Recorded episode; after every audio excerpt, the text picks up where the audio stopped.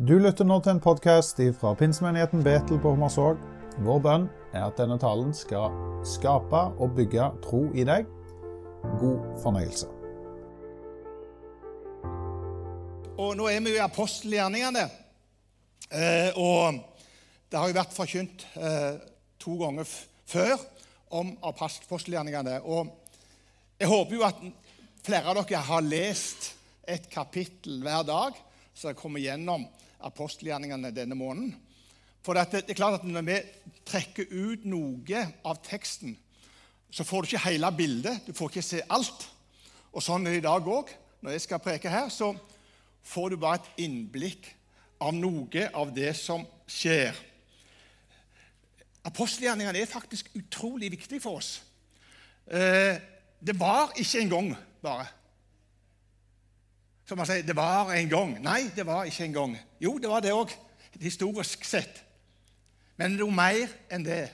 Jeg tror at det, det har et budskap til deg i dag, og det kan faktisk gjøre noe med deg. Slik at det får betydningen for hverdagen for, for oss. I dag vil fokuset være misjon og vekkelse. Det er et, et svært område innenfor nesten for apostelgjerningene. Og Lukas, når han skrev apostelgjerningene, så ønsket han å fortelle hvordan Den hellige ånd bruker helt vanlige mennesker, sånn som meg og deg. Og nettopp for å kunne spre evangeliet ut i hele verden. Her ser du en oversikt over kapitler som berører eh, nettopp dette med misjons og vekkelse. Så nå tenker du oi sann, dette blir en lang formiddag med så mange kapitler. Ja, det blir det. Nei da. jeg kommer til å legge vekk på noen kapitler mer og så bare så vidt berøre noen av disse. Og så kommer jeg til å si litt om hvilken betydning det har for meg og deg i dag til slutt. Hva er viktigste, det viktigste vi kan lære av apostlenes gjerninger? Eller hvordan skal vi oppsummere, på en måte, for å bruke det ordet òg? Jo, det er betydningen av Den hellige ånds kraft. Nøkkelverset er jo i 1,8. ikke sant? Dere skal få kraft i det Den hellige ånd kommer over dere. Hva er konsekvensene av det som skjedde pinsedag? Er det fordi at nå skal vi bli velsigna, nå skal vi ha gode følelser og nå skal vi ha gode opplevelser? Ja, ja, det er klart Når man blir døpt i Den hellige ånd, så får man det. Men det er ikke derfor. Nei, det er misjonsbetydning. Kraften er til å tjene. Det er ikke bare til innvortes bruk, for å si det sånn. Og Så leser vi videre i 1.8. står det For at dere skal være mine vitner i Jerusalem og Judea, i Samaria og helt til jordens ende. Så grunnen, bakgrunnen og det viktige med å bli døpt i Den hellige ånd, det er at vi skal få kraft for å tjene. Så det store temaet i apostelgjerningene er faktisk misjon. Og pinsedag det var begynnelsen på noe nytt. De fikk kraft. Altså, Vi har ikke mye å gå med hvis vi ikke får kraft fra Den hellige ånd.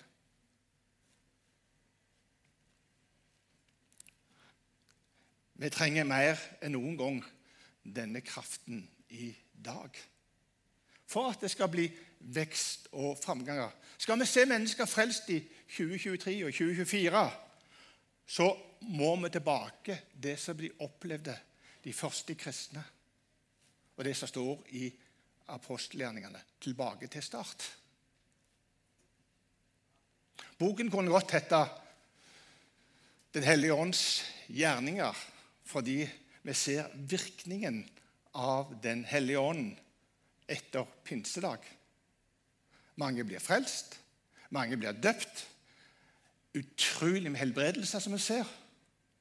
Og vi ser et sterkt fellesskap mellom de kristne. Så vi kan slå fast at eh, pinsedag og Den hellige ånds kraft er hemmeligheten til vekst og framgang. Og Det viser jo at menigheten ikke først og fremst et menneskelig verk, hvor vi kan arrangere og gjøre bare gode ting.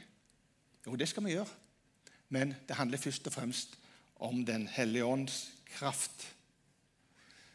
Apostlene er også ei bok som forteller oss hvordan greske jøder, samaritanere, proselytter, romere og grekere, altså alle slags mennesker, viser at de kunne bli frelst.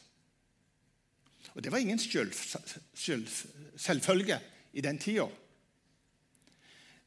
De første tre omvendelsene som er nevnt i boka, er interessant. Fordi at de representerer hver sin verdensdel. I kapittel 8 så er det en afrikaner som ble kristen. Etiopia. I kapittel 9 så er det en asiat som blir frelst. En jøde fra Tarsus. Saulus, senere Paulus, heter han. I kapittel 10 så er, det, er vi i Europa og Cesarea. Da er det italieneren, romerne Cornelius, som blir frelst. Disse tre omvendelsene førte til at evangeliet ble spredt i, ut i hele verden. Dette er faktisk med å understreke at evangeliet er for alle mennesker. Ja, men Det er jo en selvfølge. Nei, det var ikke en selvfølge i den tida. Apostlene og, og de første kristne hadde vanskelig for å forstå det.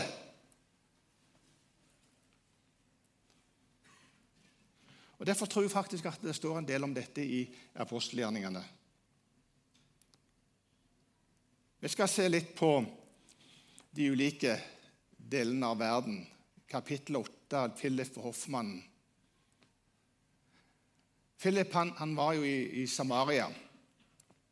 Og Der opplevde han at mange ble helbredet. Det står om vannfør og lamme. og så Utrolig helbredelse. Så får han beskjed av en engel å dra til Gaza. Gaza hører vi mye om i dag.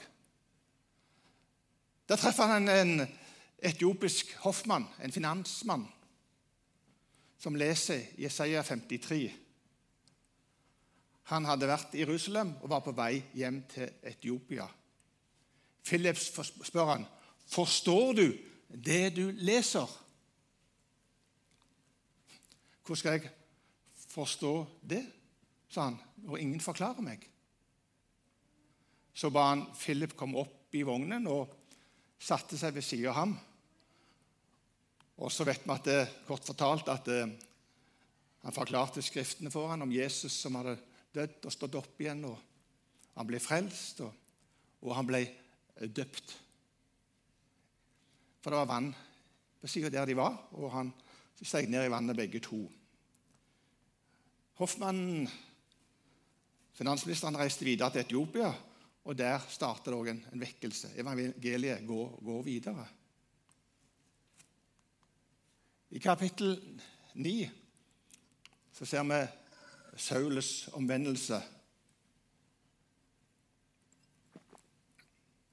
Dette kapittelet på en måte, det fokuserer på det, den dramatiske omvendelsen Saulus fikk, som senere ble kjent som apostelen Paulus. Saulus han hadde jo forfulgt de kristne og, og hadde gjort de forferdeligste ting. Og, men han fikk en, en, kraftig opplevelse av Jesus på veien til Damaskus. Det leser vi i kapittel 3 osv. i dette kapittelet. Dette markerer på en måte begynnelsen til Paulus' viktige rolle som misjonær i Asia og i andre deler av verden. Paulus sier han, om seg sjøl at han var en forfølger og en voldsmann. Når vi leser i, i 1. Timoteus jeg som tidligere spottet, forfulgt og brukt vold. Men han var barmhjertig mot meg, sier han. Og sier han òg i, i Galaterne eh, hvordan han tidligere for fram som jøde, hvor voldsomt de forfulgte Guds kirke og forsøkte å utrydde dem. Og han kasta både menn og kvinner i fengsel, leser vi i kapittel 22 i apostelgjerningene. Helt inntil døden, sier han. Saulus fra Tarsus var en konservativ, ortodoks jøde. Jeg ser jo for meg de ortodokse vet du, du har vært i Israel, ser for deg de med de krøllene og, og så videre. Men han var en ortodoks jøde og en akademiker som hadde teologisk bakgrunn. Var utdannet ved Gamaliens føtter og satt i jødenes sannhetrin, som da er det høye rådet. Så han var ikke hvem som helst. Og, men Saulus er et bevis på Guds nåde og kraft. Han ble et enormt redskap. Og Vi ser jo hele veien at jødene prøvde å drepe ham. Så går vi til kapittel 10. Kornelius' syn. Dette kapittelet taler om italiener Kornelius, en romersk offiser som ble frelst.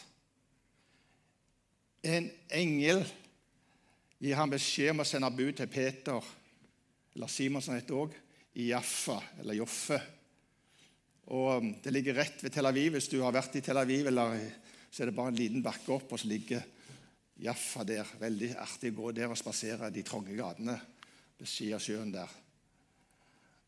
Peter hadde hatt et syn om en duk og alle slags dyr som kom ned som han fikk beskjed å spise. Og det var han ikke villig til med en gang, for dette. det var ureine dyr, trodde han. Forsto ingenting. Og. Men utenfor døra sto det noen menn som kom fra Kornelius, som var sendt av han.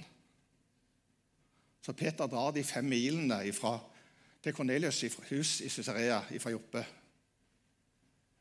Og Det som skjer der, det får en enorm betydning og vendepunkt i menighetens historie. Her forkynner han evangeliet, og Den hellige ånd faller over dem. Peter hører dem tale i tunge, og han sier, 'Hva er det hinder at det kan bli døpt?' Peter, det han opplever der i Kornelius' hus, forstår at Gud gjør ikke forskjell på folk. Og Dette hjelper både Peter, den, den opplevde her, til å overbevise jødene om at òg hedninger kunne bli frelst. Og heldigvis for meg og deg. For Hvis ikke så hadde vi sittet her i, i mørket, holdt jeg på å si, og i steinalderen. Han døper Kornelius og de andre i hans hus, og disse blir de første hedningene altså ikke-jøder, som blir kristne. Og dette, over, dette på en måte er med å markere overgangen fra misjon i Asia til Europa. I kapittel 11 ser vi at det kom sterke reaksjoner på det som skjedde i Cesarea. For det var brudd på den jødiske tradisjonen. Peter fikk enorm kritikk. Tenk det at om de omskårne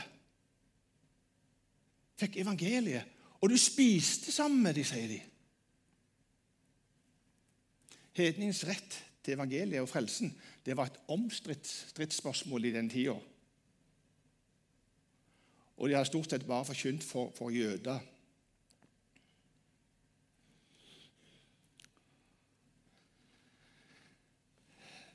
Og Vi leser i apostelgjerningene 11-19.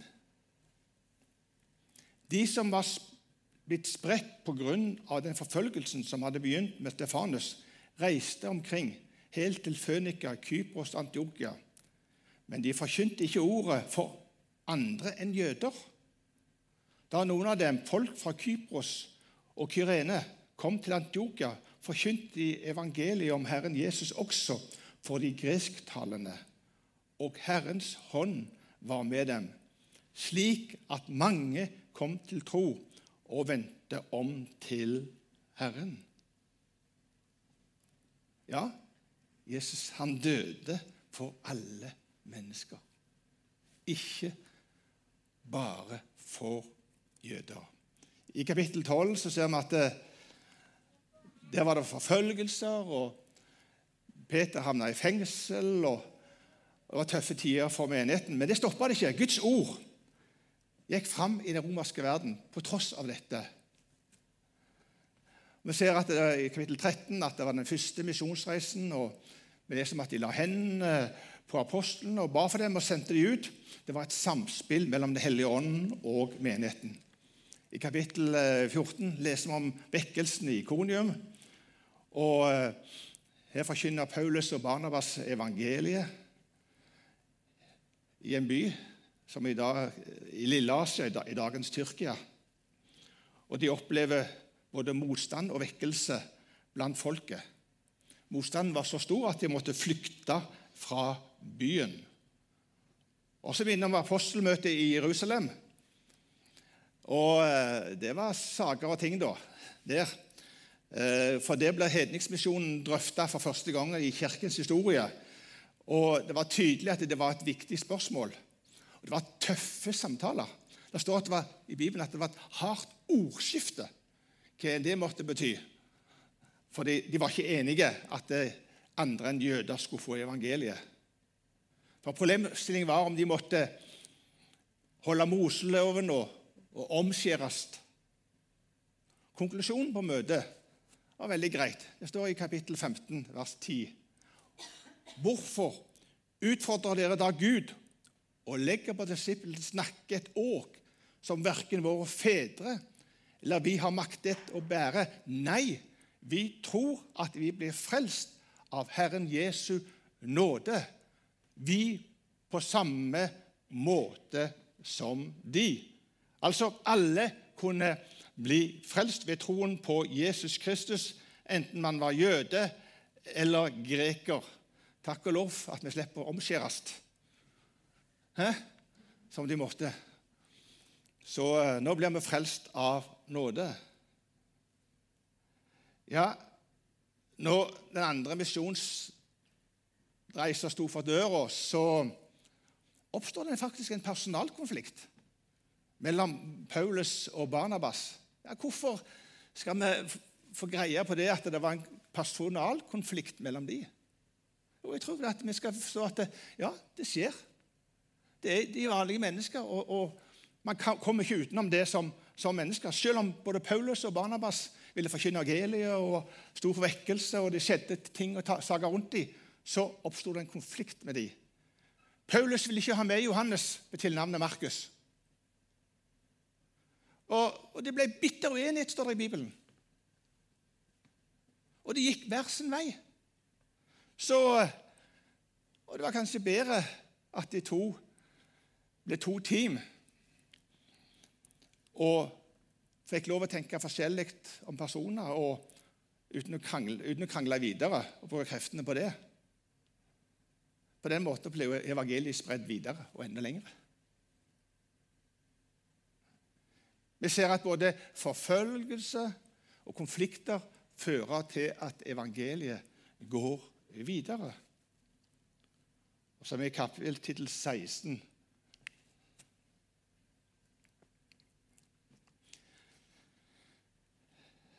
Det handler om Paulus kall til reise i Europa. og Det snakket Knut om sist søndag, etter apostelmøtet i Jerusalem. Og de dro fra Paulus og medarbeiderne dro fra by til by, og det var stadig vekst i menigheten. Jeg skulle ønske jeg hadde sagt det her, at det er stadig vekst i Betel. Ja, Det var fantastisk vitnesbyrd. Stadig vekst. Hva? Eller I apostelgjerningene leser vi om vekst og framgang og Den hellige ånds kraft og om, og om helbredelser. Men som vi ser, så realiteten var at de møtte motgang, De hadde konflikter, de satt i fengsel, og de hadde forfølgelser. Så vi kan ikke bare tegne et glansbilde av den tida i forhold til de første kristne. Vi sier ofte at vi vil tilbake til urkristendommen, vil tilbake til apostlene, vi vil tilbake til de første kristne. Det er standarden. Ja. Men spørsmål vil vi ha hele pakken? Vil vi ha hele pakken? Vekst og vekkelse, helbredelse, forfølgelse, fengsel. Prøvde å bli drept og drepe dem. Jeg vet hvordan det gikk med mange til slutt òg. Så det, det er et spørsmål om. Hva har vi å, å, å lære av disse personene og historien? Se litt først på Philip og hoffmannen. Hoffmannen han forsto ikke det han leste. Kjenner du noen venner som ikke forstår det de står i Bibelen? Ja. Men Philip var nær vogna. En engel hadde sendt ham. Ja, vi kan bli leder av Den hellige ånd. Og Det ser vi skjedde i Kornelius' hus, at Den hellige ånd talte, og de fikk opplevelser.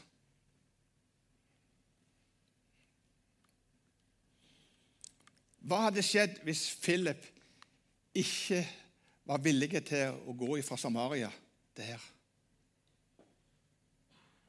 Hva hadde skjedd med hoffmannen hvis ikke Philip var der?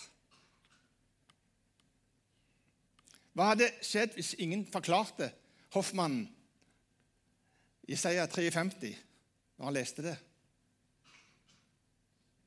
Ja, hva skjer med de som ennå ikke tror, som vi kjenner? hvis vi ikke er til stede i livene deres, eller til stede når de har spørsmål. Philip han var på rett sted til rett tid når hoffmannen ikke forsto det. Han kunne fortelle det han leste. Han, vi må òg være nær folket, det de er påvirker våre omgivelser, der du er, der du måtte være. Være åpen for Den hellige ånds ledelse. Kanskje du blir minnet om å ta en telefon, minnet om å invitere noen en kaffekopp. Eller bare stikke innom noen og prate med noen treffer butikken. Ja. Den hellige ånd kan lede oss på en helt naturlig måte. Og jeg tror at vi, Den hellige ånd taler mer til oss ofte enn det vi er klar over. Han gir deg tanker på en naturlig måte som du kan handle på. Og så kan du få oppleve kanskje at du møter en på vei fra Etiopia. Hva kan vi lære av Saulus? Jo, selv om den som hater kristne, kan bli frelst. Selv den som har gjort så mye galskap, mot kristne kan bli frelst. Det er nesten sånn utenkelig ikke sant? Altså, å forstå. Til og med artister. Hvem som helst. Kunne Saulus bli frelst og bli en så viktig person i utbredelsen av evangeliet og bety så mye for kristenheten, så kan hvem som helst bli frelst. Det er min påstand. Og Det, det syns jeg er spennende. At vi aldri gir opp folk. I begravelsen til Sverre Hage så sang vi 'Det er makt i de foldede hender' på tirsdag. Han er et bevis på å bli frelst etter mange bønner fra familien over mange år. De ga ikke opp. Vi må, vi må aldri gi opp folk. Vi må tro at Gud svarer oss når vi ber, selv om det kan ta tid. Minnet om, om Saulus fra Tarsus satt dypt i de første kristne. Og Paulus han hadde problemer med å bli godtatt. De trodde ikke at det var mulig at en sånn gubbe som det kunne bli frelst og bety noe ting. Og så de var redde han. De var skeptiske. Men Barnabas han tok seg av han og, og forsvarte han og fortalte om det som skjedde på veien til Damaskus, og den radikale omvendelsen han fikk der. Historien om Saulus eller Paulus forteller om oss om Guds nåde er stor, og hva Den hellige ånd kan gi. Så mitt budskap og lærer av den historien er at gi aldri noen opp. Vi vet ikke hva som kan skje. Så hvis du holder på å gi opp noen, enten det er barn eller barnebarn eller familie eller mann eller hustru eller hva det måtte være, eller familie, så gi ikke opp. Det viser at Gud kan komme og gjøre ting langt utover det som vi kan forstå. Hva kan vi lære av Peter og Kornelius? Hva var Peters største utfordring, og hva dette å si oss i dag? Jo, Jesus kom ikke bare for å frelse jødene, men for alle mennesker. Gud elsker alle mennesker og gjør ikke forskjell på folk. Ja, men det gjør vi jo. Ja, Jeg vet ikke alltid om jeg alltid greier å ta det 110% Men vi må gjøre det, samme. Vi må ikke se ned på noen eller tenke at noen er mindre verdt.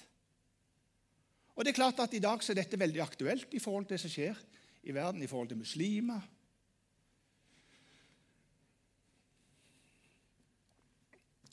Andre folkeslag, innvandrere som kommer.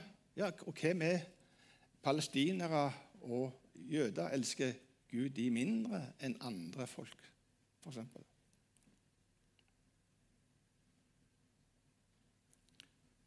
Og hva har vi som menighet ansvar i dette? Til å bry oss om andre kulturer og andre mennesker. Ja, de trenger å bli frelst. Evangeliet må ut til alle og er for alle.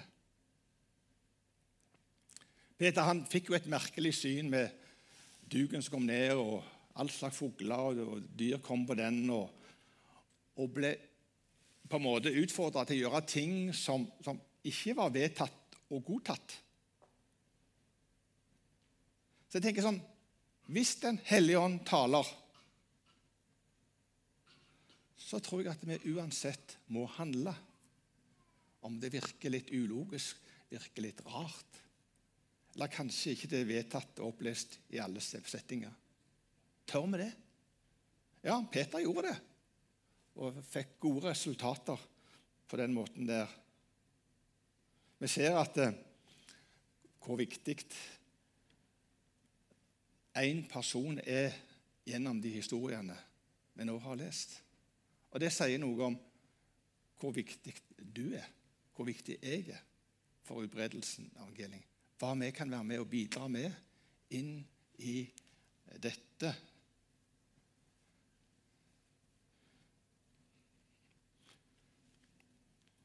Til slutt vi er alle avhengige av Den hellige ånd. Og hver av oss trenger Den hellige ånds kraft for å bli frimodige. De ble alle fulgt med Den hellige ånd og talte Guds ord med frimodighet. Jeg har tro på framtida. Alt som er beskrevet i apostelgjerningene, tror jeg vi kan oppleve framover.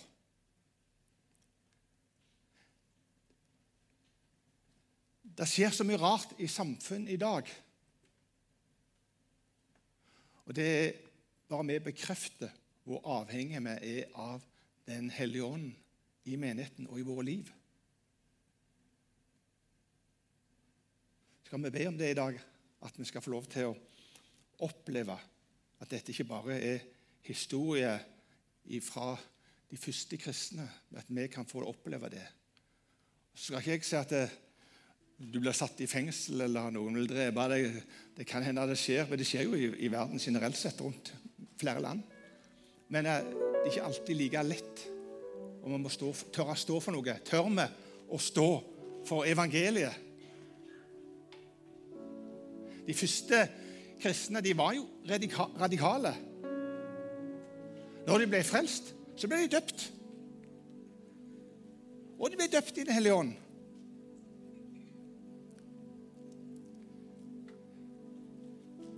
Kanskje at det, du skal ta noen skritt og tørre å ta. Skritt som du ikke har tatt før. Ja, du er kanskje frelst. Kanskje du ikke er døpt i vann. ja. Da har vi vann her. Og det er vann utføre her i, i, sjøen. Snart er det is der, så det er glimrende. Du kjenner det òg skikkelig. Så, så, så, eh, så, det er ikke noe problem, det. Det skal vi alltid få varmt opp hvis du er redd kulden. Eh, til å ta radikale valg, som de første kristne her gjorde. Ta valget om å bli døpt i Den hellige ånd. Jeg ønsker å ha kraften nettopp i hverdagen for å være med bety. Jeg tror vi kan oppleve ting som de opplevde her. Jeg tror vi kan oppleve helbredelse. For det er Guds kraft, det her. Sist, sist søndag så ba jeg for en som har tunghørt på ene øret her, og som hadde hørt klukkende lyder at det er flere uker som forsvant. Fikk en SMS fra han her i uka. Bare for den her. Enkelt og greit. Ikke noe dramatikk. Men Den hellige ånd virker med sin kraft. Jeg har til med salmeflaske hvis noen ønsker å bli salva. Så vi kan eh, komme bort på forbundsområdet, så kan vi, vi be eller samtale. Flere kan vil være med der. Himmelske Far, takk at eh, du er her med din ånd. Og Det er den samme ånden som var på pinsedag, og samme ånd som de opplevde de første kristne i apostelgjerningene.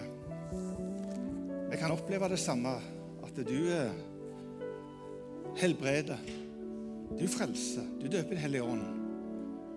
Herre, hjelp oss til å få noe av det radikale i vårt liv igjen, så at vi kan få lov til å se at det blir vekst og utvikling.